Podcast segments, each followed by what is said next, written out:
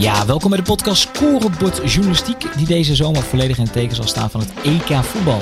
Je kunt zo meteen gaan luisteren naar onze EK-show die vanochtend tussen 10 en 11 werd uitgezonden op zowel vi.nl als op YouTube. Nou, ben je nu geïnteresseerd in het EK-nieuws, maar ook in het gewone voetbalnieuws? Neem even een kijkje op vi.nl of op VI Pro. Veel luisterplezier! PSV pakt de Europa Cup. Kluivert, ja. Van Persie. En die komt erin. Van Depay doet het met de Panenka. Goedemorgen, van harte welkom. Het is 19 juni, zaterdagmorgen van het jaar 2021. Na de Battle of Britain van gisteravond gaan we vandaag verder op dag 9 van het EK. Met bijvoorbeeld om 6 uur het duel tussen Portugal en Duitsland. Kortom, het toernooi is in een aardige fase terechtgekomen, zou je kunnen zeggen. Daarover praten we met Suleiman Öztürk, weer van harte welkom. En Kenneth Perez. Fijn dat je er bent. 24-voudig Deens International. Ja, en we hebben ook nog een. En Lenten is er natuurlijk ook met nieuws van de dag uit de binnen- en buitenlandse media. Eh, en, we hebben een, een foto van jou. Eh, Ja, uit je interland die je tegen Nederland hebt Oh ja, gespeeld. ja. Weet, je, weet je welke dat was? dat, eh, Deze. uitzwaaiwedstrijd volgens mij in 2004 ja, vier moet het zijn geweest, want eh, het was in Portugal 2004. Als ik het zo uitspreek, dan klinkt het echt alsof het eh, voor de oorlog eh, is geweest. Zo voelde het trouwens ook. Ja, zeker op dit tijdstip. Maar eh, ja, nou, dat was in Eindhoven volgens mij. Ja, het was 2008. Oh, Kijk, samen. oh, oh, Nederland moest ergens naartoe. Ja, het was spelen, ja. 29 mei 2008 in Eindhoven. eh, eh, 1 tegen 1. Oké, ja, Nederland moest ergens naartoe. Ja. Wij, eh, wij in 2004 hebben, heb ik EK gespeeld. Maar eh, oh ja, Nederland ging, eh, ging dan naar het EK in 2008. Acht. Dat klopt, dat klopt. Dat was die wedstrijd waar je verder voorbij gebleven is, begrijp je? nou, sowieso van de hele loopbaan is er niet zo heel veel. Is dat zo? ja. Je, je, je bent niet iemand van, je zag net die shirts te bekijken, niet iemand die iets bewaart. Eh, niet heel veel. Nee, bij mij zou je niet zien dat ik eh, gevoetbald heb. eh, nee. Nee? Ik zie sommige anderen, zie je zo'n reportage, heeft mensen best wel veel dingen van zichzelf hangen in de, in de woonkamers en dat soort dingen. Bijvoorbeeld, jij was toch erg een keer bij Ronald Koeman? Ja. Ja, dat, dat heb ik niet. Oh, dat heb je goed onthouden. Ja. Ja. Nee, je hebt Ik geen... volg je op de voet. Ja, en- Ik, ik zag een beetje talent in je. Ja? Ja. En welke op- welke op- misschien kunnen we daar een uitzending aan wijden. Volgens mij zit je nu al 55 jaar in dit eh, gedoe, dus... eh, ik wil ook de eerste zijn die iemand gevonden heeft. Ja, ja, ja. Bedankt voor het eh, fijn dat je er bent. Vader. Overigens, om, om je geheugen op te frissen, we hebben wel wat goals van je gevonden hoor. En die zijn niet onaardig. Hier komen ze. De Ziel. Travels, die eh, zag het niet aankomen. Pires, ja! 3-2 voor AZ. En hij hing al in de lucht. Van Gaal in extase. Wat een prachtige goal van Kenneth Pires. Koevo krijgt hem via Ruiz en hier is Stam niet lastig gevallen, nog altijd niet. Stam voor de linker. Ruiz laat gaan en daar is de vrije kans en dan de treffer voor Perez. Het is een logisch vervolg voor wat we allemaal gezien hebben hier vanavond tot nu toe.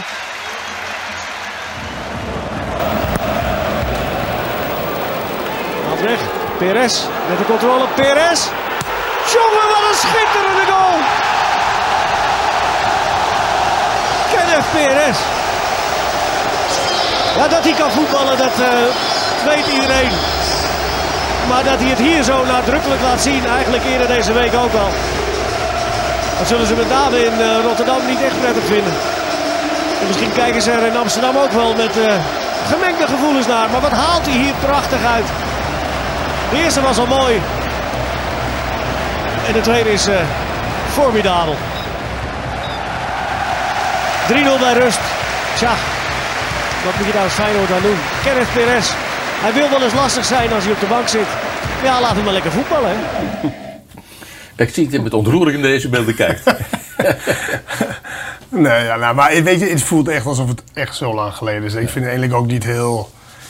Ja, om altijd op terug te komen dat je gevoetbald hebt en zo. Het helpt wel natuurlijk van als je een beetje probeert te, te, te vertellen over voetbal of in mijn werk als, als analist, dat je natuurlijk enigszins ook zelf eh, eh, gevoetbald hebt. Enigszins.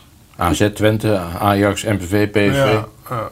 Nee, nee, ik heb goed gedaan in Nederland, denk ik. En, eh, Nou, wij doen het speciaal omdat de- de- deze uitzending wordt vooral door jonge mensen bekeken. Die hebben geen idee wie ik nee, ben en wie klopt, jij nee, bent. dat klopt. Nee, maar dat, dat is wel grappig inderdaad. En dat, dat heeft zeker spelers, eh neem maar Ruud Gullit, misschien heel veel mensen ook niet, maar door dat e-game of het eh, Ja. ding, ja, dan herleeft de jeugd of de jonge mensen, weet dan ook weer de, de heelde van vroeger, eh, van de EK 88 en, eh, en dat soort dingen. En, eh, dus dat is wel een, een slimme manier om dat, eh, zeg maar, weer, de, de, de helden van toen, de, de fantastische spelers van toen, want eh, Nederland heeft echt wel echt geweldige spelers gehad en die dan weer doen herleven. Ja, weet jij nog, wist jij nog iets van de carrière van Kenneth Perez af? Natuurlijk, dat heb ik helemaal Nou, meegemaakt. Eh, ik ben eh, nee, bijna 39, hè, dus... eh, Oh, je hebt een jonge uitstraling. Ja. Maar dat kan ook vanwege mijn leeftijd komen. Nou, ik begon bij VI in 2004, dus ik heb dat allemaal met AZ en zo al meegemaakt eh, en dergelijke. Dus eh, ik heb zelfs kennis in die tijd af en toe telefoons gewoon lastig gevallen. Eh, weet hij niet meer, maar. dus, eh, Had hij ook die... Nieuw altijd- nummer genomen. Wat zeg je? Een ander nummer genomen, Nee, ja. Nou, je bent natuurlijk analist en eh, nog een opvallende bij ESPN. Daarvoor bij Fox, we hebben daar samen mogen werken. Ja. En van de week eh, schreef Nico Dijker een column over alle ellende die tijdens dit toernooi over ons wordt uitgestort. Hij had ook nog een kleine alinea aan jou gewijd, de slotalinea van zijn column.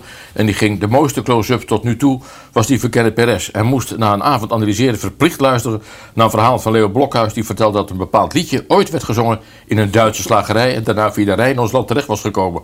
Nog nooit iemand zo boos zien kijken. Jij houdt niet echt van die poespas eromheen, hè?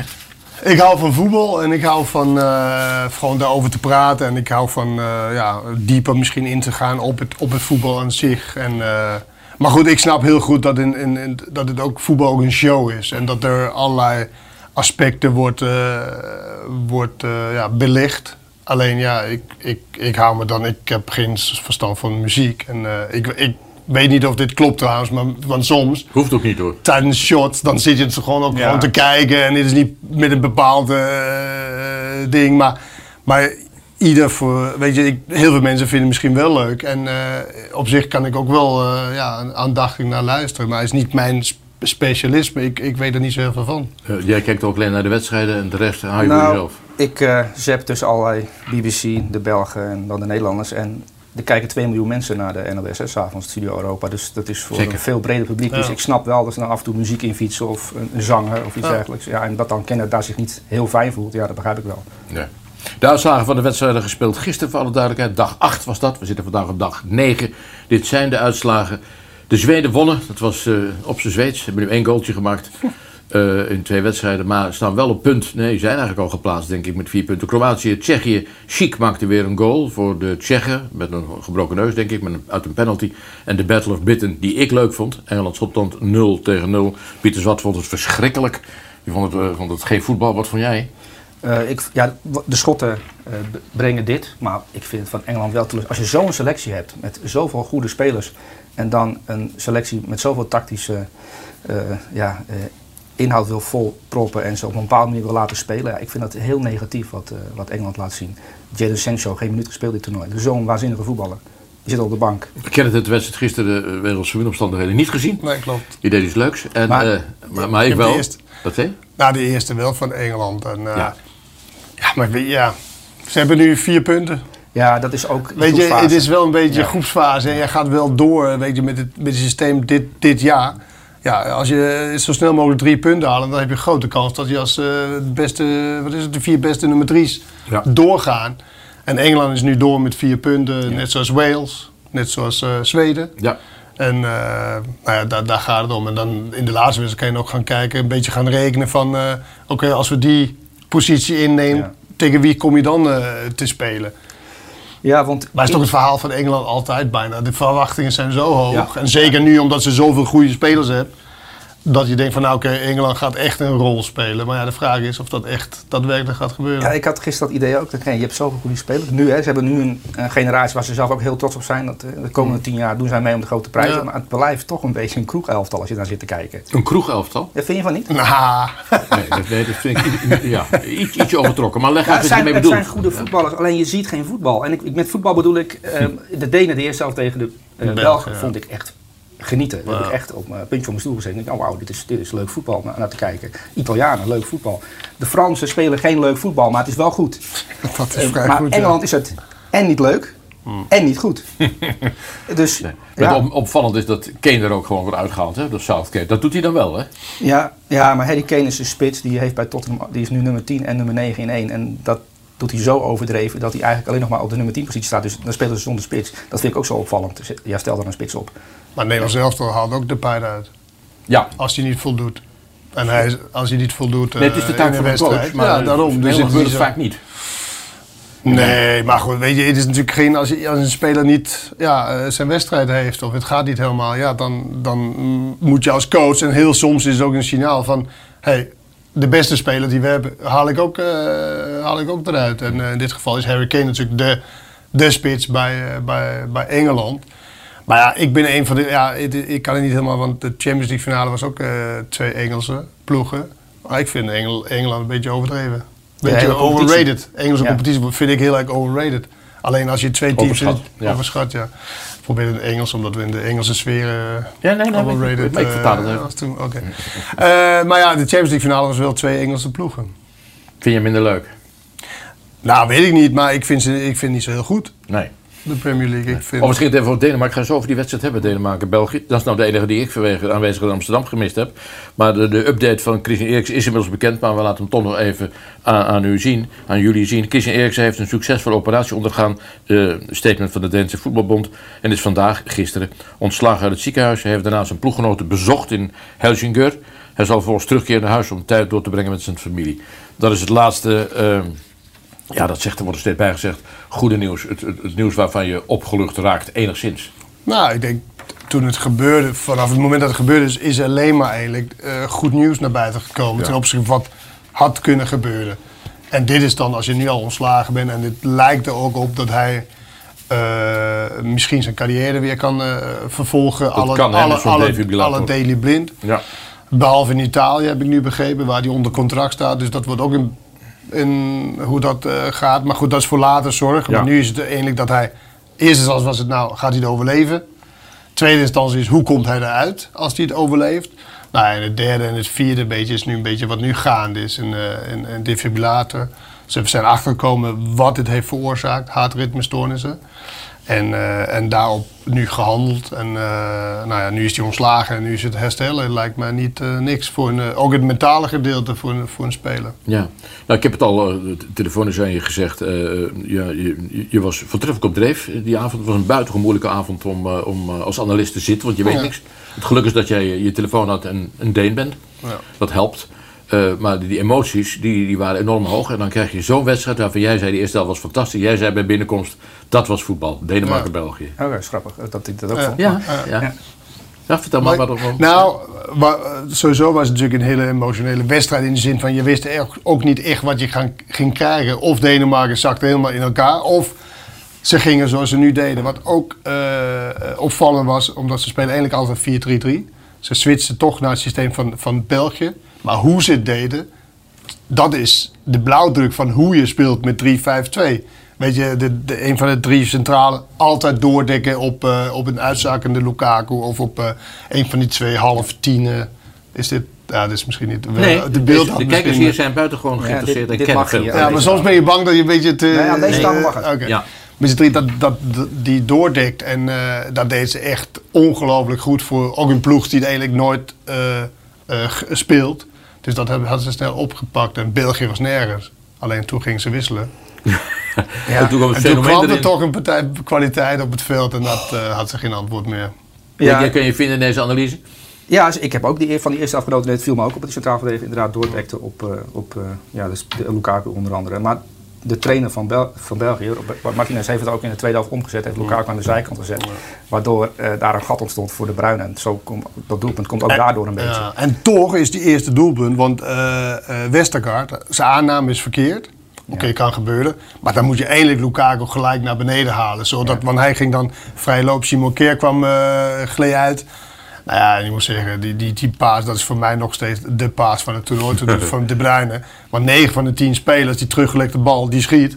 Ja. Maar hij heeft al gezien, ver van tevoren, dat hey, dit, gaat, dit gebeurt aan mijn linkerkant. En hij, eh, hij geeft een breed op, eh, wie was het? Die Carrasco of weet ik veel. Hazard maakte het doelpunt. Eh, ja. Oh, Torgan. Ja, ook te denken, die maakte de goal. Ja. Maar als je ziet, hè, want het lijkt alsof hij helemaal niet gekeken heeft en het toch ziet. Maar hij heeft al vijf keer gekeken voordat hij de bal geeft, heel snel. Nou, we hebben het toevallig laten zien in een eh, AKI, heet dat bij, eh, Ja, bij de NOS. ESPN, eh, bij NOS ook. ESPN is op Piano. Eh, dat inderdaad had hij ver van tevoren, als het, dat al aan de gang is, dat hij al gekeken heeft, oké, scant even de situatie van, als ik hier straks de bal krijg, wat moet ik dan doen? Ja, en weet je dan, ik balen van voor Denemarken, want eh, ik vind ook niet dat ze heel veel geluk hebben gehad. In die zin van ook tegen Finland, penalty Oh. gemist en zo. Hè. Ja. Maar ja, dan geniet ik toch wel van de pure kwaliteit van een speler als De Bruyne. ja, een fenomeen. Nou, mochten die Denen doorkomen, en dat, die kans is natuurlijk gewoon aannemelijk. groot, hè? Als ja. ze van Rusland winnen, Ja, dan is de kans best groot dat ze doorgaan. Rusland wel een, dat, dat jaagt er wel op los, hè, dat Russische elftal. Ja, vind je?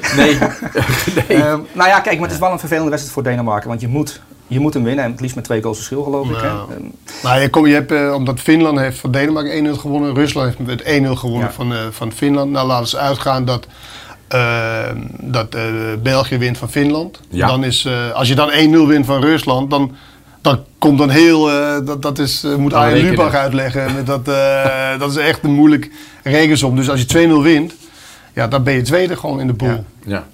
Je Ja, kunt in die pool ook beter tweede worden dan eerste, denk ik. Want anders kom je tegen Portugal of Ja, Duitsland. eerst is ook al vergeven, dus... eh, Dus ja, ja. dat is klaar, dat is België. Ja. Eh, eh, nieuws, waar begin je mee?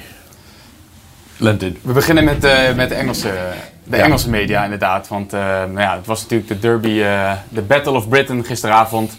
Engeland viel iets wat tegen, we hadden het hier net aan tafel al even over. En vooral Harry Kane was onzichtbaar. Eh, de altijd genuanceerde Roy Keane was ook niet heel erg onder de indruk van het optreden van, eh, van Kane. En doelde hem eigenlijk geen schim van de spits die hij normaal zou kunnen zijn. Ehm, ja, Sully, begrijp jij de keuze om Grealish niet op te stellen? Ja, die begrijp ik wel. Maar ehm, dat weet je van tevoren al, dat, dat hij niet opgesteld gaat worden. Want in aanloop naar zo'n toernooi gebeurt het ook niet. En Hij is, trainer- ook, hij is natuurlijk heel erg lang geblesseerd geweest.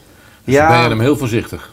Ja, maar hij stelt hem gewoon niet op omdat hij eh, vertrouwen gunt aan eh, Sterling en het vertrouwen gunt Mhm. aan andere spelers in die ploeg. En, en net als bij Oranje, iedereen roept om Malen. En, en je ziet dat pas in de tweede helft, als het echt niet anders kan, dan komt Malen. En binnen een minuut verandert het spelbeeld. Ja, trainers zijn voorzichtig en zeker in de groepsfase, wat Kenneth net allemaal uitgelegd heeft. Hij, hij gunt het vertrouwen aan, aan Sterling en daarom speelt Kielers niet. Dat is eigenlijk de enige reden, denk ik. Er was overigens iemand in Engeland die het wel een leuke wedstrijd vond. Eh, Gary Lineker, dat is een beetje de, de Kees Jansma van, eh, van Engeland, eh bekendste Zou die- presentator. Dat zou die willen. Die heeft eh, genoten van de wedstrijd, liet hij weten op Twitter. Daar was niet iedereen het mee eens, waaronder eh Specsavers. Die vroegen zich af of eh, Gary niet misschien een nieuwe bril nodig had. Het is wel een gedoe op Twitter, hè, dit, eh, tijdens zo'n wedstrijd. Ja, dus dat- Maar hij is echt ongelooflijk scherp en grappig en geestig. In, eh, ik weet niet of hij het zelf doet, maar echt binnen no time zit er gewoon echt een hele geinige Ja, opmerking van maar eh, los daarvan is het, eh, ik zou me niet durven vergelijken met Gary Lineker, want die vind ik echt, vind ik echt geweldig. Ja. Goed. Alexander Isak, die kent hem trouwens niet, hè, Lineker. Hij had eh, een compliment gegeven aan Isaac van, eh, van Zweden. Toen vroegen ze ernaar, toen zei Isaac, over wie heb je het? Eh, Gary Lineker, daar heb ik nog nooit van gehoord. Ja. Ja, dat Dus, noemde hij een oude man in een studio die misschien iets over voetbal te vertellen had. En dat doelde hij op Kevin Lineker. ja, ga maar gauw door. Ja. ja, maar dat is, dat is een jongen van 20 jaar, ja. Ah, op zich, die, die had gisteren een paar momenten gezegd. Dat is, eh, heb je dat nog wel kunnen zien gisteren of niet?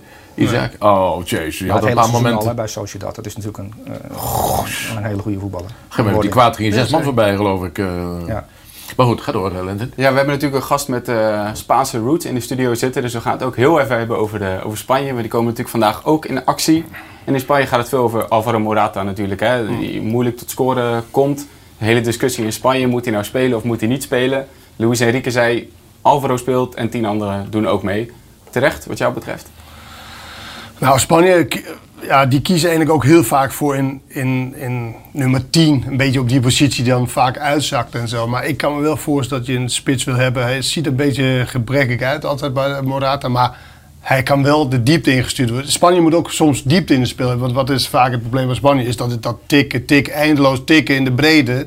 En dan heel af en toe. Maar je moet wel iemand hebben die ook weg kan steken. Maar ze hebben genoeg spelers die dat kunnen. Dus ik snap wel dat ze met een, eh, met een diepe spits eh, gaan spelen. En ik vind ook wel een trainer komt dan op voor zijn nummer, Ja. voor zijn nummer 9. En dan geeft wel die spits eigenlijk eh, misschien het vertrouwen om inderdaad wat terug te, terug te doen. Vind dat wel sterk als een trainer opkomt voor zijn spelers. En niet eh, meepraat met de media, maar gewoon... Hetzelfde met Matthijs de Ligt. Frank de Boer zegt Matthijs de Ligt speelt. Dan werd dan ook opeens een discussie of hij zou gaan spelen. Een van de beste verdedigers ter wereld, vind ik. Ter discussie. Omdat, omdat je wint met een... Met dat never change a winning team. Dat is de grootste onzin die er is. Echt de grootste onzin. Want als jij denkt, nou, we kunnen ons verbeteren op die positie... ten opzichte van, ondanks dat je gewonnen hebt van Oekraïne 3-2... Ja, dan, dan doe je dat als coach. Is echt eh, onzin, dat never change a winning team. Marco was overigens vrij kritisch op bepaalde momenten van te licht. Hè?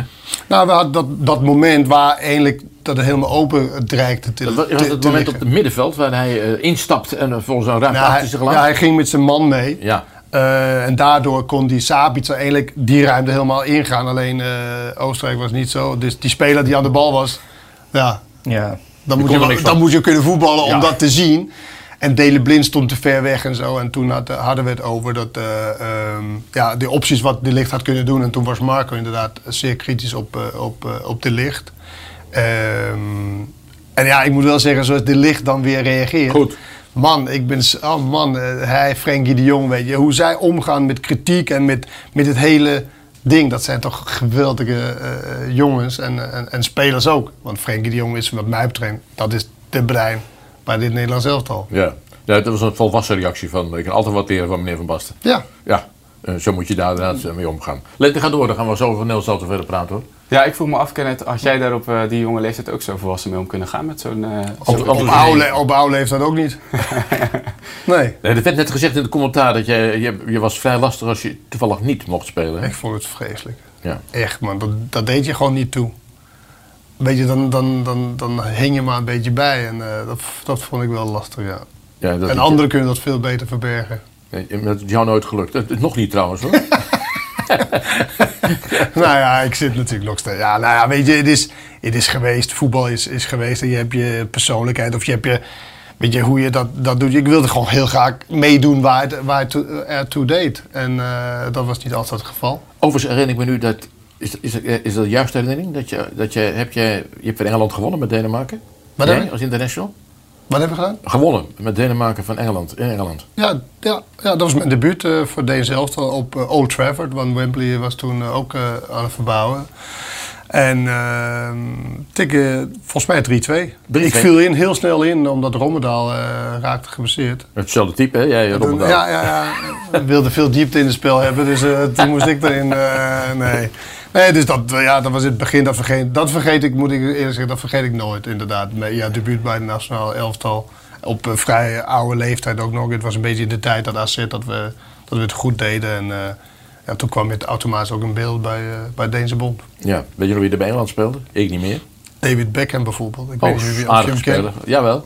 Was Michael ook Owen ook, denk ik, en zo. Dat, dat, eh, Lampert, Gerard, Steven, ja, ik denk, ja, dat Ferdinand, Terry, die, die, die gasten. Nou, dat die redelijke ja. tegenstander was dat. redelijke tegenstander, ja. Had je nog meer Lente? Nou, er komt een eh, vraag van onze kijkers binnen voor de Sully. Oh jee. Eh, Billy Gilmore, wat vond je van hem eh, Ah. gisteren tegen Engeland? Nou, die vond ik wel heel opvallend. En elke keer als ik die zie spelen, denk ik, oh, oh, een mooie speler. En hij speelt bij Chelsea. En daar speelt ook een en N'Golo Kante. Dus die gaat er, zolang Kante daar speelt, niet in, inkomen. Dus dat is voor, een advies aan hem om een andere club te zoeken. hij is echt een geweldige speler. 20 jaar, 19 jaar. En dan zo tegen Engeland eh, acteren. Maar dat is wel, vind je niet, dat is wel het probleem in de Premier League. Daar zijn zoveel geld dat, dat jeugdspelers. Het is een beetje veranderd bij Chelsea ook. Met Mason Mount en, en eh, Abraham die toen. maar nooit direct, niet meer- altijd via een omweg. Het is zo lastig om rechtstreeks eigenlijk van de jeugd en dan daar naartoe. En dan moet je inderdaad via een omweg en dan maar hopen dat dat lukt. Maar dat is natuurlijk wel, als zij een, een goede linksback nodig hebben, ja, dan kopen ze gewoon een linksback van 50 miljoen. En dan kijken ze niet even van, nou oké, hij heeft misschien net een half jaar langer nodig. Iemand uit de jeugd. Hebben ze gewoon geen geduld voor, want je moet gelijk moet je, eh, moet je presteren. En dat is soms wel jammer. En ze hebben gewoon te veel geld. Want, eh, dat is, Maar, ja, maar dat is Chelsea zo. zoekt nu een nieuwe rechter wingback. En dan gaan ze kijken en dan denken ze, nou, Hakimi, 90 miljoen. Zullen we Ja. dat gaan proberen deze zomer? Ja. En dan heb je Reece James, die is 20, 21 jaar. En die zit dan weer een heel seizoen op de bank. Ja. Ja, dat is En wel dat, een dat beetje... vind ik wel jammer aan de Premier League. Dat het, dat er zo weinig. eh, ik denk ook dat, dat zoveel geld maakt je lui. Dus, dus je bent niet innovatief, je bent niet meer zeg maar van eh, nee. Want het maakt niet uit. Als zij iemand van 30 miljoen koopt en het lukt niet, jammer. Volgende. Ja, dat is, Zie Donny van der Beek bijvoorbeeld. ja, nee, eens. Het is bedrijfsvoering. Dat, het maakt, Ja. Wat jij zegt is juist, want het maakt zich geen flikker uit. Ja, dan, dan de volgende. Dat, dat klopt. Was het dat? Ja, Kom blijf zo vooral eh, blijven stellen, hè, de vragen in de chat. Gaan we het nog over dat Denemarken hebben? Of, eh, want dat mag, er- nee, één speler mag, die, mij, die mij opviel, en die viel wel meer mensen op, die Mikkel Damskaart. Ehm, die, kwam, er- die kwam erin tegen de Belgen. En die speelde echt een grandioze eerste helft. Ja. Ehm, en die, komt- die speelt bij Sampdoria ook eh, regelmatig, hè, afgelopen seizoen. Ehm, hoe is daar in Denemarken op gereageerd, op zijn optreden? Nou, sowieso niet zozeer hij specifiek denk, maar meer gewoon de hele, team. de hele team, hele optreden. Kijk, de gunfactor is gigantisch voor Denemarken. Ik denk in de hele wereld. En daarom is het ook zo wrang. Denemarken heeft nul punten. En de, ja, de gunfactor is heel groot. En daarom kijk ik misschien ook met een iets roze bril naar de prestatie. Ja. Tegen, tegen België. Ook omdat het België is, grote tegenstander. Eh, maar ja, je verliest wel 2-1. Ja. En het is heel moeilijk om natuurlijk echt eh, specifiek op te zeggen van ja, nul punten, wat zijn we aan het doen? Ja, het is gewoon een heel moeilijk EK voor, voor Denemarken qua emoties. Want dit gaat natuurlijk alle kanten op. En, en daar wordt ook zeker rekening mee gehouden. Mensen zijn vooral heel trots op het elftal, hoe ze... Nou, dat zijn ze altijd al geweest. Hè? Nou, maar dit is echt, Ja. eh, echt heel erg eh, eh, grote trots op het elftal. De trainers kan het ook niet genoeg benadrukken. Alleen straks, stel voor dat je na drie wedstrijden kan gaan douchen. Dan, dan, ja, dan heb je ook in de EK gespeeld waar je niet echt verder bent gekomen. In ellende en frustratie. ja, Ja, dat, dus dat- ik dat- hoop zo dat het tegen Rusland eh, gaat lukken en dat, dat, ze- dat ze doorgaan. Heb je ook eh, contact gehad bijvoorbeeld met Eriks of zo? Echt Nee, nee, nee, Doe je ook nee, niet, hè? nee, nee, nee. Daar hou je niet van, hè? Nee. Nee, nee, Nee, nee, dat nee. is vraag naar de bekende weg. Ja, zeker. We gaan zo verder over Nederland zelf. Dan gaan we ook naar Martijn Krabbe. Maar eerst even naar de vraag. De stem van het volk. Ruben, die was gisteren in een beroemde straat in Den Haag.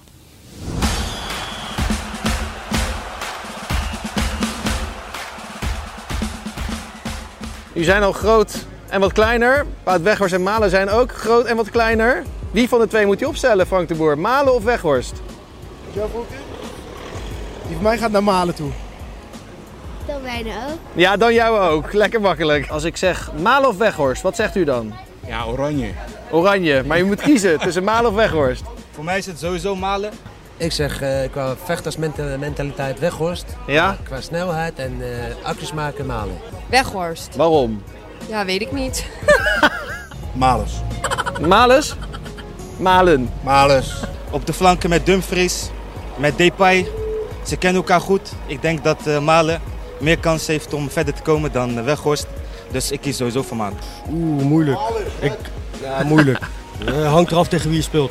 Ja, ze spelen tegen Noord-Macedonië nu, hè? Ja, dan eh, zal ik gewoon lekker eh, malen opstellen. Je bent toch al door. Ja, gewoon wat meer snelheid, wat meer diepte. En ja, ik vind het Weghorst het niet heel goed doen. Nee? Nee. Hij heeft wel gescoord, hè? Hij heeft wel gescoord, dat klopt ja. En vind je hem er leuker uitzien? Denk je dat hij beter kan Nee, voetballen? ik denk dat hij beter is. Je hoort er meer van dan van Malen. Weet je hoe Malen eruit ziet? Nee, Weet je hoe Weghorst eruit ziet? ook niet. Weghorst is meer een, eh, een vechter. En malen is meer eh, ja, eh, snelheid, actie maken. Ja, dat soort dingen, weet je. En in Den Haag houden ze natuurlijk meer van vechters, hè? Wij zijn eh, altijd vechters en dat blijven we altijd doen. Oké. En, en, dan- en dan zie je aan deze straat, de mooiste straat van Nederland.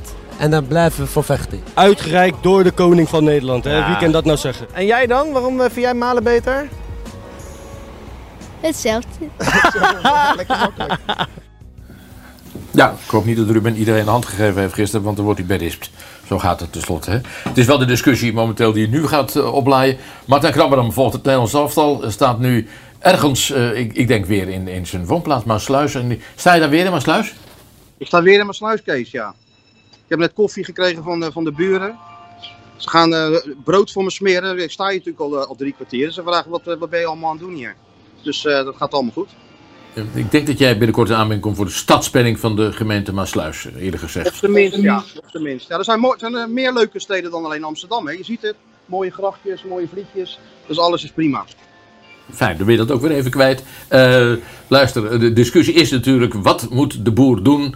Moet hij uh, met een ander elftal gaan spelen, een paar wijzigingen, veel wijzigingen of helemaal geen wijzigingen? Of enzovoort. Ja, weet je, uh, Van Nistelrooy had uh, tegen die spelers ook gezegd dat zij uh, twee keer na twee wedstrijden al de volgende ronde hadden bereikt. Um, met een ander elftal zijn gespeeld en daarna meteen uitvlogen. Dus ja, dat is misschien wel iets wat ze, wat ze zullen meenemen. Maar de boer gaf zelf al aan dat hij wel op een aantal posities zal gaan veranderen. Hij kijkt natuurlijk hoe de spelers er fysiek voor staan. Hij wil misschien wat andere spelers die niet aan de beurt zijn gekomen ook nog even wat, wat speeltijd geven. Want je weet nooit wie je nog nodig kan hebben in die, achtste finale. Dus ik verwacht wel dat het elftal er op posities anders uit zal zien. Ja, nou ben jij, prijs ik me gelukkig, redelijk standvastig in je mening. Want het is niet zo dat jij plotseling vindt dat we van niks tot een knuffelploeg zijn uitgegroeid, hè? Nee, nee, dat vind ik nog niet. Nee, nee er moet nog wel wat iets meer gebeuren, wil, de, wil het zover zijn. Maar ja, er zijn natuurlijk wel andere dingen die, uh, die meehelpen. En waardoor je ook hier wel merkt dat de oranje koorts wel iets begint uh, toe te nemen. Hoor. Het is natuurlijk wel een, uh, een spelersgroep waarmee Nederlanders zich wel redelijk goed kunnen identificeren. Je zag gisteren natuurlijk ook Matthijs de Ligt en Marten de Roon. Dat zijn natuurlijk hartstikke leuke jongens met, met goede teksten. Zelfkritisch, een beetje humor. Uh, kunnen goed, ja, wat ik zeg, kunnen goed tegen, tegen kritiek. Nou ja, dat zijn toch allemaal dingetjes die ook wel meehelpen om een uh, ploeg uh, populair te maken. Maar als je dan kijkt naar, naar het voetballen, ja, dat, dat houdt, vind ik, nog niet over. Die eerste twee wedstrijden tegen ook niet de beste tegenstanders. Tegelijk ja, zit er ook wel iets in als je kijkt naar het verdedigende blok. En als je ook kijkt naar de, wat die andere ploegen ervan bakken op dit EK. Ja, dan hoef je ook niet per se gelijk volledig kansloos te zijn. Dus het is nog even afwachten. Je hebt nog niet echt een beeld, vind ik, van hoe goed dit Oranje nou daadwerkelijk is. Nou, je, schetst in ieder geval een beeld waarbij, waarbij ik denk dat je gelijk hebt. In ieder geval heb ik tegen Oostenrijk geen seconde gedacht dat ik wel tegen Oekraïne. Dit kan Nederland nog wel eens gaan verliezen. Want dat, dat gevoel heb ik geen seconde gehad in die laatste wedstrijd. Nee, ja, die Oostenrijkers, daar moesten we, wat was het, vier jaar geleden ook naartoe. Hè, om te kijken hoe die het allemaal deden. En uh, Zwitserland, weet je, dat waren allemaal landen, daar moesten we een voorbeeld aan nemen. Maar ja, je hebt het nou toch gezien, dat stelde allemaal heel weinig voor. Alleen ja, het is natuurlijk een land van, uh, ja, ik weet niet hoe hoog ze staan op de, op, op de ranking. Maar uiteindelijk kom je wel tegen betere tegenstanders te spelen. Ja, en dan ben ik wel benieuwd hoe, hoe goed of hoe matig. Of hoe, Kijk, je kunt gewoon nog heel lastig een beeld vormen. Omdat de tegenstand natuurlijk ook niet, niet optimaal is. Ja, dus dat maakt het wel lastig om dit te beoordelen. Maar als je dan puur kijkt naar wat ze zelf laten zien. Hoe ze voetballen. Ja, dan is het niet. Dan, ja, dan, dan heb ik ze wel eens betere wedstrijden zien spelen. Wat, wat, heeft jou, wat heeft jouw voorkeur als watcher van het Nederlands elftal veranderen of niet veranderen in die laatste groepwedstrijd? Um, nou ja, ik zou ook wel eens wat andere spelers aan, aan het werk willen zien. Kijk, Berghuis traint bijvoorbeeld geweldig bij, uh, tijdens die trainingen. Ook als, als de reserves, weet je wel, na zo'n na een wedstrijd trainen de reserves voluit. Is hij vaak een van de betere, maakt hij goede goals. Uh, Kakpo wil je natuurlijk ook wel eens een keer aan het werk zien. Dus ja, het is wel een kans voor de boer om, om, om ja, dat plan B misschien een beetje uit te diepen. Weet je wel, als je, als je moet scoren en je moet terug naar drie spitsen, ja, dat kan je nou tegen, tegen, tegen Noord-Macedonië wel, wel gaan doen. Dus ja, ik ben benieuwd hoe hij er zelf over denkt. Ik denk dat hij vooral kijkt naar hoe fit zijn spelers. Nou, er worden al die data erbij gepakt. Uh, die speler heeft te veel gespeeld. Die, misschien, uh, die moet er misschien even uit. Nou ja, de Roon heeft geel. Dus nog een kaart erbij. En, en hij is geschorst. Dus die zal ook wel niet spelen. Ja, ik denk dat dat de afwegingen zullen zijn, uiteindelijk. Ja. Wat, wat, wat verrassend dat je Berghuis noemde als mogelijke speler tegen Noord-Macedonië. Waarom? Ik ben geen voorzitter van de fanclub, maar hij traint gewoon goed. Ja, en je moet toch dat soort spelers toch ook een beetje iets gunnen, weet je. En, en, en, je hebt hem misschien nog wel nodig. Nou ja, dan is dit toch een wedstrijdje waarin je, waarin je hem even, even aan het werk kan zien. Het gaat snel, hè? die conclusie trekken we ook hier regelmatig.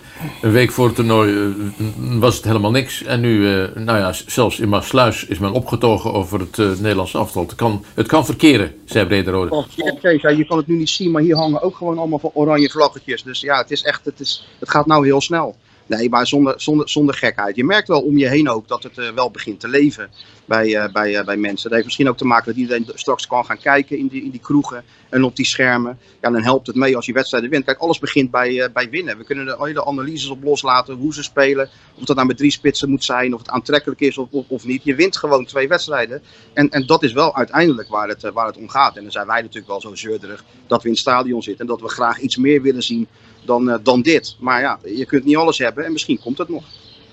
Het programma van heel zelf de komende dagen? Um, uh, persconferentie straks.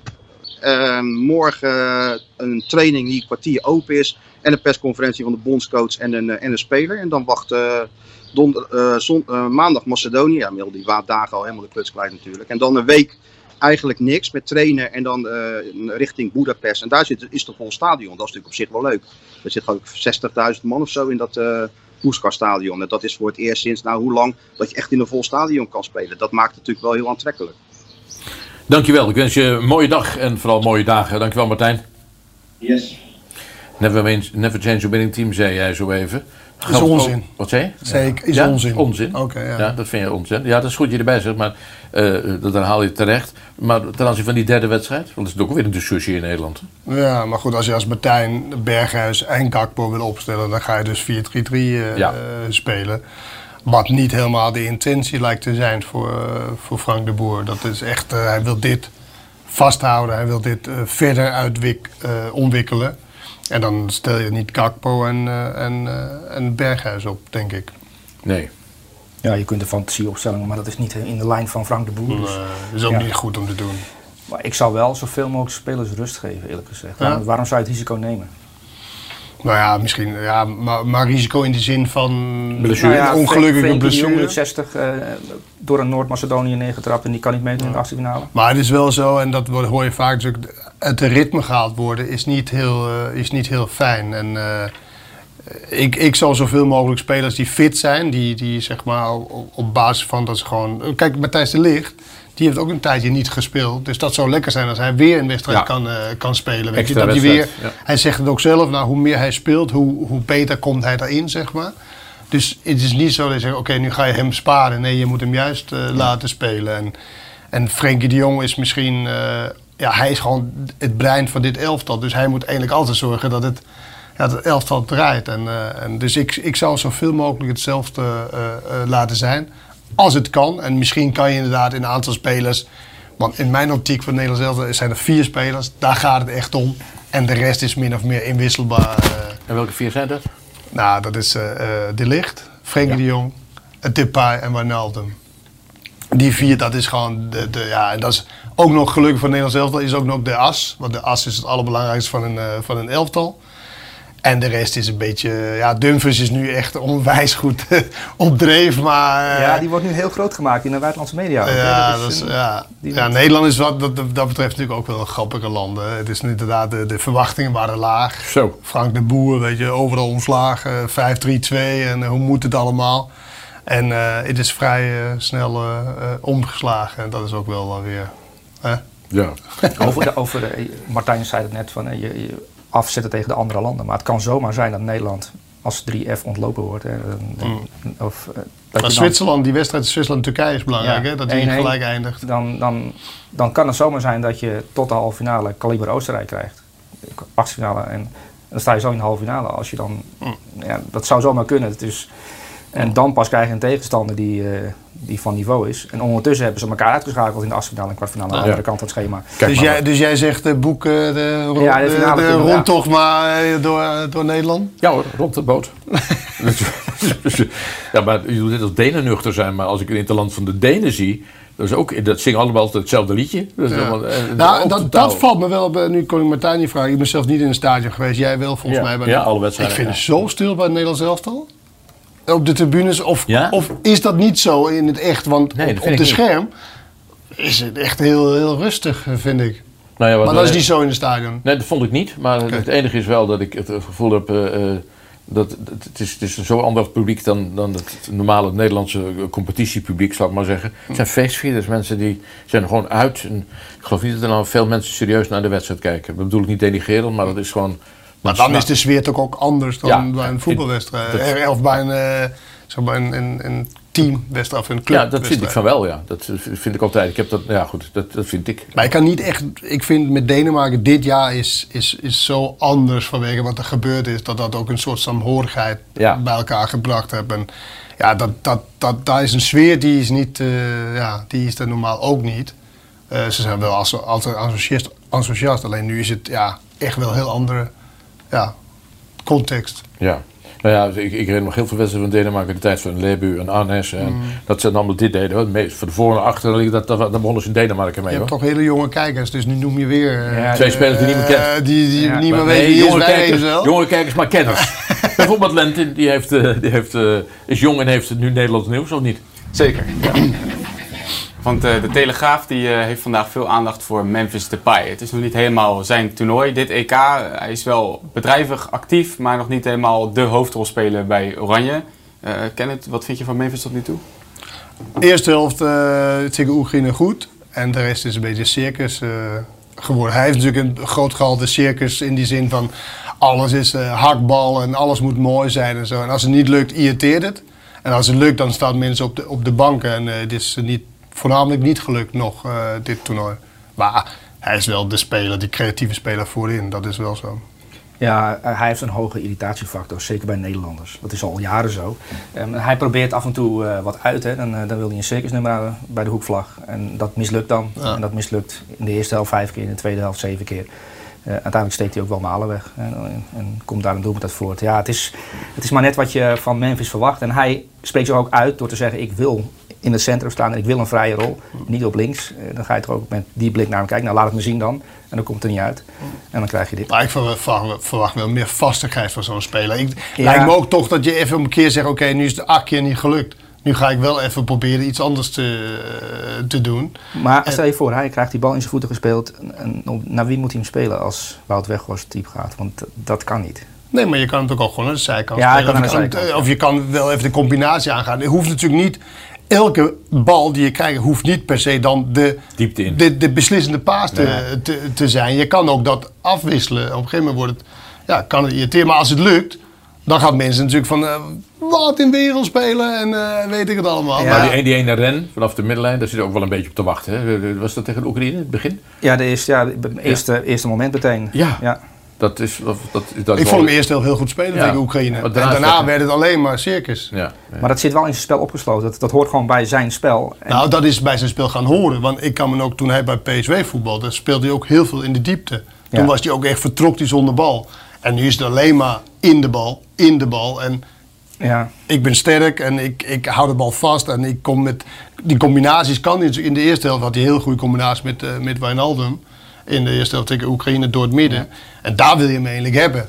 En, eh, maar goed, dit blijft een belangrijke speler. Hij is ook een soort van blikvanger, vind ik, bij, eh, bij Nederlands En omdat die andere zeven zijn wie ze zijn, is een enkele extroverte of... Ja, maar mij gaat het niet eens om of die extrovert is of met dat hoed en met dat, eh, weet je, Nee, dat lang geleden is. Ik, bedoel, nee. ik het is gewoon van als je ik bedoel binnen spel ken het. Extrovert is een spel. Dat Te veel balcontacten bedoel je? dat je- Ja, te veel ja. balverlies. Ja, daardoor balverlies. Ja, maar omdat hij wat apart kan. ja. Ja. Ja, maar dat hoeft niet Leuk samen te dat je gaan. gevraagd Ja, hebt, eh, bij Messi niet. Dus, eh, Ga door, Lente. Ja, er was niks voor jou, uh, Kenneth, elke keer de bal in je, in je voeten vragen. Jij was natuurlijk meer van de, van de diepgang zonder bal. Nou, bijna niet, maar Nee. Nee, alles in de bal. In het Algemeen Dagblad gaat het veel over eh, Matthijs de Ligt. Hadden we het net aan tafel natuurlijk al eventjes over. En zijn reactie op de woorden van eh, Marco van Basten. Hoe volwassen hij daar eigenlijk mee omging. Als een leider, zo zou je het eh, kunnen noemen. Maar de Ligt zei ook, er is nog geen Hosanna-stemming bij het Nederlands elftal. Hè. We hebben twee keer gewonnen zonder briljant te spelen. Dat was ehm, in 1994 ook het geval. En toen, de huidige bondscoach had daar toen een heel scherpe analyse over. We hebben twee keer slecht gespeeld en één keer goed. En van de twee wedstrijden slecht gespeeld hebben we twee keer gewonnen. Ik verlies, eh, eh, ik win liever eh, slecht dan eh winnend eh, verliezen. Wat? Ah ja. Ik moet ook zeggen, in aanloop naar toen al heeft hij ook wel veel ongelukkige dingen uitgesproken. En de laatste twee interviews voor de wedstrijd ging dat wel veel beter. Ik, ik, elke keer Rafael en, eh, en Pierre van Hooydonk en eh, van de vader. Dat was ook de eerste wat ze zei, nou dit was een goed interview. Weet je, ja. ja, dat is ook wel weer niet goed eigenlijk dat gezegd moet worden elke keer. Nee, maar nee, daarom. Nee, uiteindelijk wordt hij beoordeeld op het feit of hij Dat is het ook trainen. zo, want er zijn zoveel trainers, weet je, dat, dat zichzelf verkopen, dan kun je er heel veel trainers, terwijl ze misschien geen inhoud hebben. Ik vind altijd Fred Rutte, vind ik een mooi voorbeeld. Is iemand die zich misschien moeizaam ver- verkoopt. Oh, Erik ten Hag. Maar oh man, geef hem, eh, weet je, Fred Rutte lijkt me zo'n geweldige trainer. Ja. Ehm, dat hoor je in ieder geval van, van, van, van alle kanten. En, eh, maar ik moet zeggen, Frank de Boer, weet je, het is... Er zijn een aantal dingen wat je bij zo'n persconferentie eh, zichzelf enigszins voorbereiden. Maar je komt bij de journalisten en ze zitten alleen maar te wachten op, op iets. Weet je, dan zegt hij per ongeluk Quincy Menig. Nou, over dat Qatar, hoe hij dat probeerde uit te leggen. eh, kijk, dit is van oude tijd, dus eh, Ja. dat, dat, dat telt niet helemaal. Die, Maar andere, dat- die andere die jij noemt ook al ook alweer verleden tijd, joh. Ja. Als, als hij twee keer wint, is het allemaal weer een beetje passé. Dat is ook, Ja. dat is ook zo, ja. ja. Clinton? Ja, hoe ga je daar spelen mee om? Als, eh, als je je bondscoach zulke besprekingen ziet doen? ja. Nou ja, de- het- het- voor mij ging eigenlijk de, de ergste vond ik eigenlijk dat met hoe ze spelers eh, berichten dat ze niet meegingen. En EK-spelers Ja, dat best wel. beter gemoeten. Weet je, dat is Ja. beter gemoeten. En, en elke interview, elke ding wat je doet als bondscoach of als trainer, je communiceert de hele tijd met je spelers. Weet je, of het nou zo is, of dat je inderdaad in de, in de krant of in een televisieinterview, je communiceert altijd met je spelers. Want spelers liggen natuurlijk ook heel dubbel als ze dit, eh, dit zien. Jij, jij vond Van Gaal de beste trainer, Ja. maar je hebt ook wel erg om gelachen. Eh, nee, nee, niet om gelachen. Maar ik, ik, ik vond altijd dat, dat Van Gaal zichzelf iets te moeilijk maakte bij die, bij die persconferenties. Maar hij wilde toch elke keer de strijd aan met een journalist. Ja. Wat hij vond van, jezus, je hebt er nul verstand van. Dus val me niet lastig, soort van. Terwijl je eigenlijk ook heel makkelijk, dat doet heel veel eh, Ja. Trainers natuurlijk ook van, ah, goede vraag. eh, Clichétje daar Ja. uitgooien. Ja, dat zat er niet in. Alleen Let, altijd door. spannend. Het al lopen we helemaal uit. Ga door. Had je nog vragen? Nog één vraag. Eh, wie vinden jullie tot nu toe de beste speler van het EK? EK? Ja. Voor de man. Jeetje, Maar wij ja, nadenken. Wil jij kun je dat even van tevoren aan me vragen? Dan kan ik erover We nadenken. kunnen ook even gewoon dit laten liggen. Straks gaan we naar het volgende onderwerp. Doen we het volgende. We gaan even naar de, eh, Macedonië. Noord-Macedonië is onze tegenstander. En hier komt de, het beeld wat Noord-Macedonië eh, ons oplevert. Noord-Macedonië is de ploeg die het minst aansprekend is in de groep van Oranje. Maar vergis je niet in deze stugge ploeg die voor het eerst deelneemt aan een eindtoernooi. De tegenstander van Oranje heeft uiteraard icoon, boegbeeld en captain Goran Pandev geselecteerd. Maar ook Marjan Radetski, die uitkomt voor Academia Pandev, de door Pandev opgerichte en naar hemzelf vernoemde voetbalclub. Pandev is al bijna 20 jaar in actie te zien op de Italiaanse velden. Alleen in het seizoen 2014-2015 maakte hij een uitstapje naar Turkse Galatasaray. Momenteel komt hij uit voor Genoa. Igor Angelovski is de huidige bondscoach van de Rode Leeuwen. In het seizoen 2013-2014 won hij zowel de Macedonische competitie als de Macedonische beker met FK Rabotniki. Sinds 2015 staat hij aan het roer van een nationale team. Tavče Gravče is het nationale gerecht. Noord-Macedoniërs zijn gek op bonen. Dit gerecht betekent dan ook vrij vertaald bonen in een pan. Gaan de Macedoniërs hun eigen boontjes doppen tijdens dit EK? Ik vind Frenkie. Heb je nagedacht? Of die, eh, Ja, de ik, heb, ik, ik vond de Italianen indrukwekkend twee Ja, keer. nou, daar zat ik ook aan te De denken, linksback, Spinazzola, daar word ik Ja. zelf als kijker een beetje, eh, dat ik denk van eh, zuurstof, dat heb ik nodig. Ehm, en Pogba vond ik grandioos, de eerste wedstrijd tegen Kanté? Duitsland. Ja, maar die is altijd zichzelf, Ja. dus die is altijd goed. Zocht je ook bij Italianen? Ja, nou ja, Spino, wat? Spinazzola. Spinazzola. nou ja, dat is meer, weet je, dat is gewoon echt heel veel rennen. En eh, dat is echt zo belangrijk voor een elftal. Maar ja, ik, hij kijkt ook iets meer naar iemand die ook Ja. heel lekker kan, eh, Voetballen. kan, kan voetballen. Maar ik moet zeggen, Steven de Vrij vind ik eigenlijk ook heel sterk eh, aan dit toernooi begonnen. Maar eigenlijk is het net iets te vroeg nu. En Kevin de Bruyne, hij heeft maar heel kort gespeeld. Maar ja, als je het hebt over kwaliteit. Frenkie de Jong? Eh, ook, heel goed. Maar ja, Frenkie heeft de Jong verwacht ik nog meer van, zeg maar. Ja, dat zegt elke, eh, bijna iedereen zegt dat, maar wat verwacht je dan meer? Nog, nog meer doelpunten, meer assists? Want Nou, ik vond hem de eerste wedstrijd vond ik ook wel goed, maar ook wel weer slordig. Eh, dat hij ja, voor zijn doen veel balverlies eh, had. En ik kijk ook altijd naar tegen wie speel je. Ja. Kijk, wat is de kwaliteit van een tegenstander? Daarom vond ik Frankrijk-Duitsland misschien niet de allerleukste wedstrijd, maar het is wel kwaliteit. ja, dat is wel heel hoog niveau. Ja. Het is heel hoog niveau. En daar, de moeilijkheidsfactor is dus veel hoger dan wanneer je tegen Oostenrijk, eh, Oekraïne, eh, Noord-Macedonië straks, eh noem maar, Ja, ja. weet veel wat. Dus, dus daar kijk je ook een beetje naar. Maar ik moet zeggen, Italië heeft op mij het meeste indruk gemaakt, twee Ja. wedstrijden lang. Ik, ik vond het, ja, zeker. Ja, die speelde ook maar tegen Turkije en maar... Ja, maar Turkije heeft niet zo lang geleden van Nederland gewonnen. Ja, Op dezelfde manier spelen, alleen Nederland gaf dan heel veel kans Ja. weg in de counter. Eh, Turkije, ik geloof niet dat ze bijna over de midlijn is geweest. Nee. De tempo, de druk, de, de, de bezetenheid van de Italianen, ja, dat, dat was ongelooflijk. Want de moeilijkheidsfactor met, kan je je voorstellen, alle tien staat gewoon bijna in de 16. Waar is de ruimte? En toch bleven ze gaan en de tempo hoog houden en uiteindelijk valt hij. Laten we even naar de wedstrijd van vandaag gaan, want we hebben het nu over kwaliteit. We hebben dus eh, Portugal tegen Duitsland om 6 uur. Eh, we hebben, eh, en daarna hebben we natuurlijk ook nog, eh, we hebben- beginnen met Hongarije tegen Frankrijk. Vanavond komen de Spanjaarden dan aan bod tegen de Polen. Kortom, we zien wel topspelers vandaag eh, eh, aan de slag. Ja, de beste voetballer ter wereld gaan we zien, hè? Wie is dat? Lewandowski. Is dat de beste? Voetballer ter wereld op dit moment toch? Niet? Nee. Dat is... eh, Wie, wie zegt dat? nou, algemeen beschouwd wordt dat, hè, die, die moest de gouden bal toch winnen afgelopen jaar. Nou zie je wel. Is voor mij niet de beste voetballer. Nee, is, het- is het voor- voor fantastisch. Suleiman ook niet hoor. Nee, voor mij ook niet, Nee, maar ik- nee. ik, eh, ja, maar die heeft er symbolisch 41 gemaakt in de competitie. Nou zie je maar weer dat, dat, het, toch, dat het toch wel aardig is dat je aardige spelers om je heen hebt die je een Nou, bal ik geven. zat dus hè? naar boven te kijken en toen Ja. dacht ik, stel je voor dat je hier iemand neerzet die Lewandowski niet kent als de man van 41 doelpunten. Ik En, en dan laat beoordelen, dan denk je echt wel dat het eh, minder is dan Wout Weghorst. Ja. Terwijl het is, het is, het is Lewandowski die er 41 heeft gemaakt. Dat is wel een enorm verschil tussen de aanvoer bij Duitsland. Bij, of Wat moet het irritant zijn om wat Weghorst elke keer als pispaal neer te, neergezet te Heb je gelijk in trouwens, moet echt- ik niet doen. Nee, dat is niet eerlijk. Eh, we gaan even naar Portugal. Eh, dat, is, eh, dat blijft een dark horse, om dat cliché maar te gebruiken. Dit was een opstelling in de, in de eerste wedstrijd die ze tegen Hongarije speelden. En toen eh, was het lange tijd gewoon 0-0. En dan we- de- eigenlijk weet je bij jezelf, joh, ze schoppen hem er toch wel in. En ze halen het potje toch wel uit, want ze zijn zo gewend aan dit soort potjes. Dat gevoel heb ik dan. Ja, en Ronaldo maakte dan toch wel weer twee. Terwijl hij, als je er goed naar kijkt, denk je, maar hij heeft niets goed gedaan. Alleen hij maakt toch wel weer twee. Nou, die derde goal die ze maakten was wel een aardige goal hoor. ja, op het, op, het, op het eind, maar 80 Hij is wel zuinig op zijn acties Ja. geworden ook de laatste eh, jaren. Weet je. Het is wel veel wandelen en zo, maar ja, als hij dan, dan is hij ook aan en zo doelgericht. Dat is echt eh, niet te doen. Maar de meest opvallende speler blijf ik toch Danilo vinden. Bij Rode gevoetbald. Ja. Bij Ja, Roda ja, gevoetbald. ja, ja. Ja. Ja, ja. Dat is toch heel gek?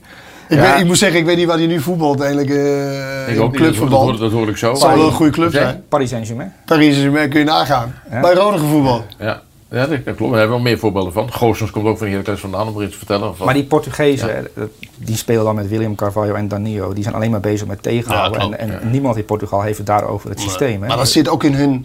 Dat zit daarom ook de jeugdelftallen, die winnen bijna altijd. Omdat Ja. zij gewoon daar alleen maar mee bezig is. Ja. Winnen. Niet ontwikkelen, maar winnen. Ja, ontwikkelen, winnen kan ook met elkaar samen gaan, zeg maar. Ja, je kan winnen ook ook winnen, ontwikkelen. ontwikkelen, Ja. weet je wel. En Nederland eh, staat natuurlijk heel erg bekend om iets heel anders. En eh, ja, Jota en, eh, en eh, Bruno Fernandes, ja, ook echt goede spelers. Zeker, maar ook Bruno van ons heb je bijna niet gezien in die wedstrijd. Hè? Nee, Dat klopt. is, Nee, maar bij- alles draait om Bij Ronaldo. United gaat Ja. elke bal Ja. als eerst naar Bruno Fernandes. Ja, en bij Portugal niet. Nee. Nou, dat zijn de Portugezen. Ik, ik blijf ze kans hebben vinden. Omdat ze, nou goed, vanmiddag gaan we het zien. Want zij hebben dat is toch wel een prachtige start met 3-0 winnen in Boedapest. En die Duitsers hebben gewoon verloren van, eh, van eh, of gewoon, Ik hoop, wel van Frankrijk. ik hoop dat Duitsland wint, want dan zijn alle, Ja? drie, dan zijn alle drie door. Nou, de, de opstelling van de Duitsers even bij in de eerste wedstrijd. En de kritiek op Leuf die natuurlijk weer toeneemt. Eh, want zo gaat dat. Want hij heeft ja, dit systeem gespeeld. Hè? Met een Kimmich iets meer naar achteren. En die zou toch meer aanvallend moeten spelen. Nou, de kritiek neemt in Duitsland logischerwijs zoals altijd toe. Ja, ze, ze hebben het over het feit dat hij de wedstrijd vercoacht heeft. Hè, dat hij te veel als trainer is gaan kijken naar zijn elftal. Ik speel tegen Frankrijk, aanpassen. eh, bang om, om een grote nederlaag te leiden. En dan krijg je dus dit. En, eh, want je kreeg van de Duitsers weinig te zien. Alleen dat was ook een wedstrijd, vond ik, van ho- vrij hoog niveau. Ja. En ja, je kunt van Frankrijk een keer verliezen. Hè. Dat is natuurlijk Ja. zo, het is geen, eh, geen schande. Maar vond je ook niet dat hoog niveau en dan ook nog binnen dat hoge niveau zag je ook dat Frankrijk, Frankrijk Ja, ja. weet je, net technisch beter, net sneller, net frisser, net jonger. Dat dat net dan Ja. ook weer een stapje hoger is eh, Ja. binnen dat. eh, maar ik hoop wel, kijk, hier moet je ook kijken naar de moeilijkheidsfactor. Tegen wie speel je? Met wie zit je in de pool? Ja, Frankrijk en, en, en eh, Portugal. Kijk, daarom hoop ik ook dat Duitsland wint. Dan gaat alle drie door. Je wilt natuurlijk zoveel mogelijk kwaliteitsteams door hebben. En dat zou natuurlijk zonde zijn als een van deze drie. Maar goed, Hongarije zullen ze ook wel winnen. Dan een drie punten. Dus Ja, maar de genoeg. verdedigend. En dat kan vervelend worden als je moet winnen. Ja. Die Portugezen hadden er ook eh, moeite mee om de Hongaar te Ja, verslaan. maar toen hij moet 1-0 erin lag, toen was het ook meteen, toen het meteen Ja. gebeurd ook. Hè? Toen was ik- ik- ja. Ja. Nee, van Portugal, van Hongarije was ik sowieso niet kapot. We hebben wel een, eh, we hebben wel een landenclip van, van Hongarije. Nou, die is met zijn Oh. liefde gemaakt. Laten we toch nog gaan kijken naar hoe die eruit ziet. Hongarije zit in de groep des moorsdoods op dit EK. De ploeg van Marco Rossi moet het ook nog eens zonder sterspeler Dominique Slobosnij opnemen tegen Duitsland, Frankrijk en Portugal. Ingewikkelder dan de moeilijkste Rubik's Cubus. Een uitvinding trouwens van de Hongaar Erno Rubik. Hongarije is op dit toernooi het Brunby van de Champions League uit het seizoen 98-99. De arme Denen werden toen gekoppeld aan Barcelona en de latere Champions League finalisten Bayern München en Manchester United. Ga er maar aan staan. Hongaren moet je echter nooit uitvlakken. Het land dat Ferenc Puskas voortbracht heeft een rijke sporttraditie. Met Viktor Orbán heeft het Centraal-Europese land een regeringsleider die nog langer aan de macht is dan Mark Rutte himself. Het meest bekende Hongaarse gerecht moet wel de fameuze goulash zijn. Het heerlijke stoofpotje met rundvlees, diverse groenten en paprika betekent vrij vertaald herders en werd dan ook vroeger vaak op open vuur bereid. De magiaren zijn lang niet meer zo magisch als in de jaren 50, toen zo'n beetje alles gewonnen werd, behalve de WK-finale van 1954 tegen West-Duitsland. Neemt Hongarije 67 jaar na dato revanche? Ja, dat is, dat is echt Sweet Memories. Ver voor jouw tijd zelfs, kan je nagaan. Ja. Hongaarse verdetten. Prachtig elftal. Overigens tegen Frankrijk. Ja, die zijn dus Frank, die zijn totaal kansloos, Hongarije. Maar het is toch ook, als je, als je die pool eh, dan krijgt. Zo, mag je dus eigenlijk... Frankrijk, Duitsland, Portugal. Ja. Tot ziens. Om je meteen al af te melden, dan van het toernooi. Dat is ook lullig. Ja, en zij mogen nog met eh, vol eh, publiek spelen. Zeker, zeker. Maar ja, dit, dit, is, dit is ongekend. Dit, dit blijft voor jullie favoriet nummer 1 voor de titel? Wil jullie net een lofzang op Italië hadden? Nou, ja. Ja, Ja, ken kom het maar, maar. Nou, waarom? Omdat zij ook eh, eh, in staat zijn om een wedstrijd dood te maken. Ik denk, joh, de tegen, laat die tegenstander de bal maar. Wij, eh, wij pakken wel uit eh, met een, met een, in de omschakeling een keer. Dus ze zijn ook in staat. Bijvoorbeeld Kante is heel goed. In, die kan veel beter dan hij laat zien. Maar ik denk, inhouden, ballen voorover. Ik vind hem wel geweldig. Maar Pogba is voor een heel andere Pogba dan bij Ja, United. bij United is het wat je aan Memphis irriteert, en heel veel mensen aan Memphis irriteert, te veel willen doen. Te veel la- willen laten zien hoe goed je bent Ja, eigenlijk. ja, ja. Pogba is natuurlijk heel goed en dat wil je ook laten zien. Maar bij Frankrijk is dat eruit op een of andere manier. Dan is hij sober. En ja, Nou, Frankrijk, Italië. Ik moet zeggen, Italië heb je natuurlijk ook gezien tegen, tegen Nederland. En eh, zeker in de arena was Italië Waar, heel erg waar goed. Spinazzola als eerst opviel voor ons. Hè? Nou, ik moet zeggen, deze twee wedstrijden heeft me wel zo van... eh, Oké, hier zit echt heel veel, eh, heel veel in. En ze doen ook gewoon met twee spelers van Sassuolo. Ja. Dat is natuurlijk wel... het- kijk, daar heeft de coach echt gekeken naar... Oké, wie speelt het systeem wat ik wil spelen? En wie kan, wie kan ik gebruiken? En niet zozeer dan wie is de beste spelers in de Italiaanse competitie. Want ik, dit lijkt me niet dat twee spelers van Sassuolo Nee. de die- beste spelers maar zijn. Dat zei je net over met enige verbazing Danilo van Roda. Maar ik, ik, ik wil toch nog even die beelden vertonen. Want uiteindelijk bij, bij Duitsland speelt een man Goossens die ook in Nederland niet echt een grote naam had. Nee, maar nu bij Atalanta. is, eh, met commentaar of zo? Zonder we mogen meepraten. Wat wou je zeggen over Goossens? Nee, maar bij Atalanta, kijk, hij heeft die stap gemaakt. En bij Atalanta heeft toch een oogje voor om Nederlandse vrij onbekende spelers op te halen. Eh, Niet dat hij Nederlander is, maar in ieder geval die Nederlands voetbal. En daar is die spelers eh, te ontwikkelen. Maar de Roon was toch ook gewoon bij Heerenveen, dacht, eh, nou, ja. leuke speler, hij loopt een beetje in de weg. En, en Atalanta pakt hem op en hij, zijn carrière is helemaal omhoog gegaan. Wat heel leuk is, want dat lijkt me ook wel een leuke jongen. Niet dat we hem moeten beoordelen, maar ik vind het toch wel leuk als iemand goede zinnen achter elkaar kan zetten en een beetje kan uitleggen wat hij eigenlijk eh, van, van verschillende dingen vindt. ja. Wat wel opvallend bij Atalanta, maar ik, hij wordt gecoacht, of hij is gescout op wat hij goed kan. En, Hmm. en, en hij mag bij Atalanta doen waar hij goed in is. Net als Hatenboer, hè. er is ook een discussie in Nederland. Ja. is geen rechtsback? Nee, het is geen rechtsback. Het is een eh rechtervleugelverdediger. eh, die speelt eigenlijk in het middenveld bij Atalanta. En dat zie je ook terug. Maar bij Duitsland mag hij ook op die plek spelen. Hij staat niet linksback. Hij staat in een 3-4-3 op het middenveld Ik ben eigenlijk. benieuwd wie speelt vandaag. Ik vond hem niet zo geweldig in de eerste wedstrijd. Ja, En, maar het eh, is bij Duitsland ook wel een beetje uit armoede dat Gozes erbij zit. Ja. Hoor. Want eh Philip Max is ook getest hè, van PSV natuurlijk op die plek. En eh, ja, die is dan afgevallen voor, de, voor dit EK. Eh, maar dat is een plek, ja, ze hebben eigenlijk geen linksback. Die had ook een slechte fase. Het einde van het seizoen vond ik echt Philip Max. eh, Ja. Was niet de Philip Max van het, van het begin van het seizoen. Maar goed, dit is ja.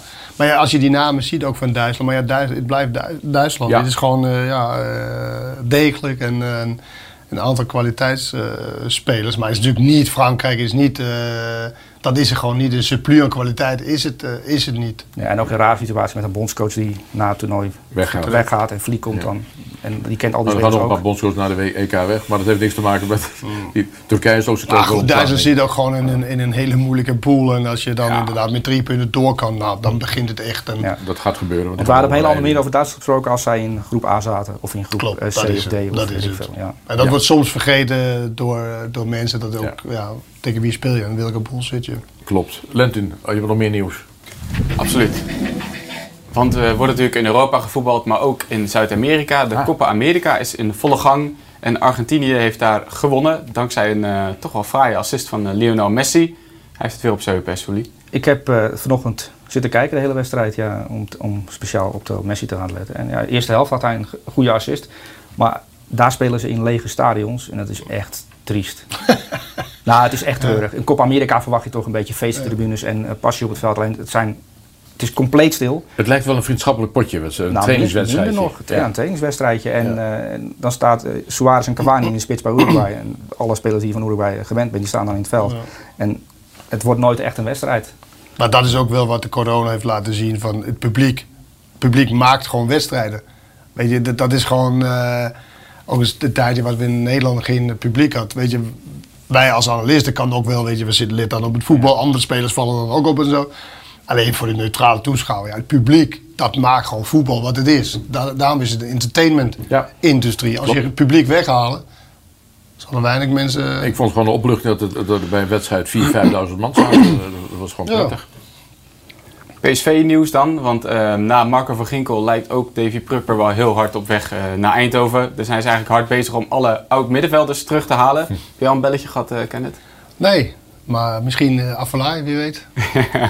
Ja, die is als, als huisanalist, ja precies. Dat is wel fit, ja. En eh, dan hebben we nog eh, onze kijkers natuurlijk die ook eh, hardop aan het meetzetten zijn. En ze zijn vooral benieuwd bij jou, Souli. Want ze willen een eh, elftal van het toernooi eh, eigenlijk hebben van de groepsfase. Dan hebben vroeg wij al, hè? die toevallig al eh, samengesteld. Want we geven cijfers bij alle wedstrijden en daar is een elftal uitkomen rollen. Nu willen we eigenlijk even van jullie weten, zijn jullie het er een klein beetje mee eens? Kan je het zien? Ik kan het zien, ja. Ja, dit zijn spelers die zijn opgevallen inderdaad. Ja, Ja, Boyata heeft één wedstrijd gespeeld. eens, ja, Ja, dat is, eh, dat is wel goed om erbij te zeggen. Alleen van de En eerste Radecki speelronde. op goal. Hebben jullie Ja. hem gezien bij Leverkusen? Eh, Die heeft eh, Peter Bos wel wat punten gekost. eh. Ja, nu, nu had hij wat reddingen. Waarschijnlijk Ik, is hij daarop geselecteerd. Maar dit is, dit is heel erg subjectief, hè? Want hier, Ja, dit, dit is op basis van, eh, van de eerste wedstrijden. En Radecki had natuurlijk die penalty gestopt tegen, tegen ja, dan Denemarken. ben je al gelijk... eh, Maar kunnen wij niet aan jou vragen of gewoon bij- deze een opdrachtje geven dat je bij de volgende keer dat je komt gewoon... Maar ik ben al bezig, Kees. Ik heb namelijk al een, Ja? volgende week donderdag neem ik het elftal van, eh, van de week, eh, of elftal van, eh, van de eerste speelronde op. Ja, En maak ook even eentje van Copa America. En misschien is er ook iets anders aan de gang. Dan kan hij ook even... eh, je hebt toch niks te doen hoor. ja, ik.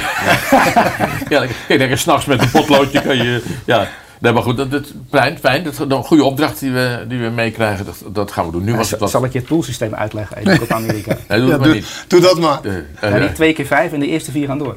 Ja, Dus het is eigenlijk totaal zinloos, die groepfase. Ja, Ja, maar, maar dit zijn wel de spelers zoals Cavani en, en, en Messi. Noem allemaal op die daar spelen, die al in Europa moeten terugkeren. Die hebben een waanzinnige zomer met eh, in de aanloop prutswedstrijden voor nul toeschouwers in notabene het zwaar getroffen Brazilië. Het Ja, staat werkelijk nergens op. Bijna niet uit te leggen. Nee, het, is niet, het is niet uit te leggen. En daarna, twee weken later, mag je je melden bij Ronald Koeman, want ja, die wil ook graag eh, Ja. wedstrijden winnen. Dat klopt.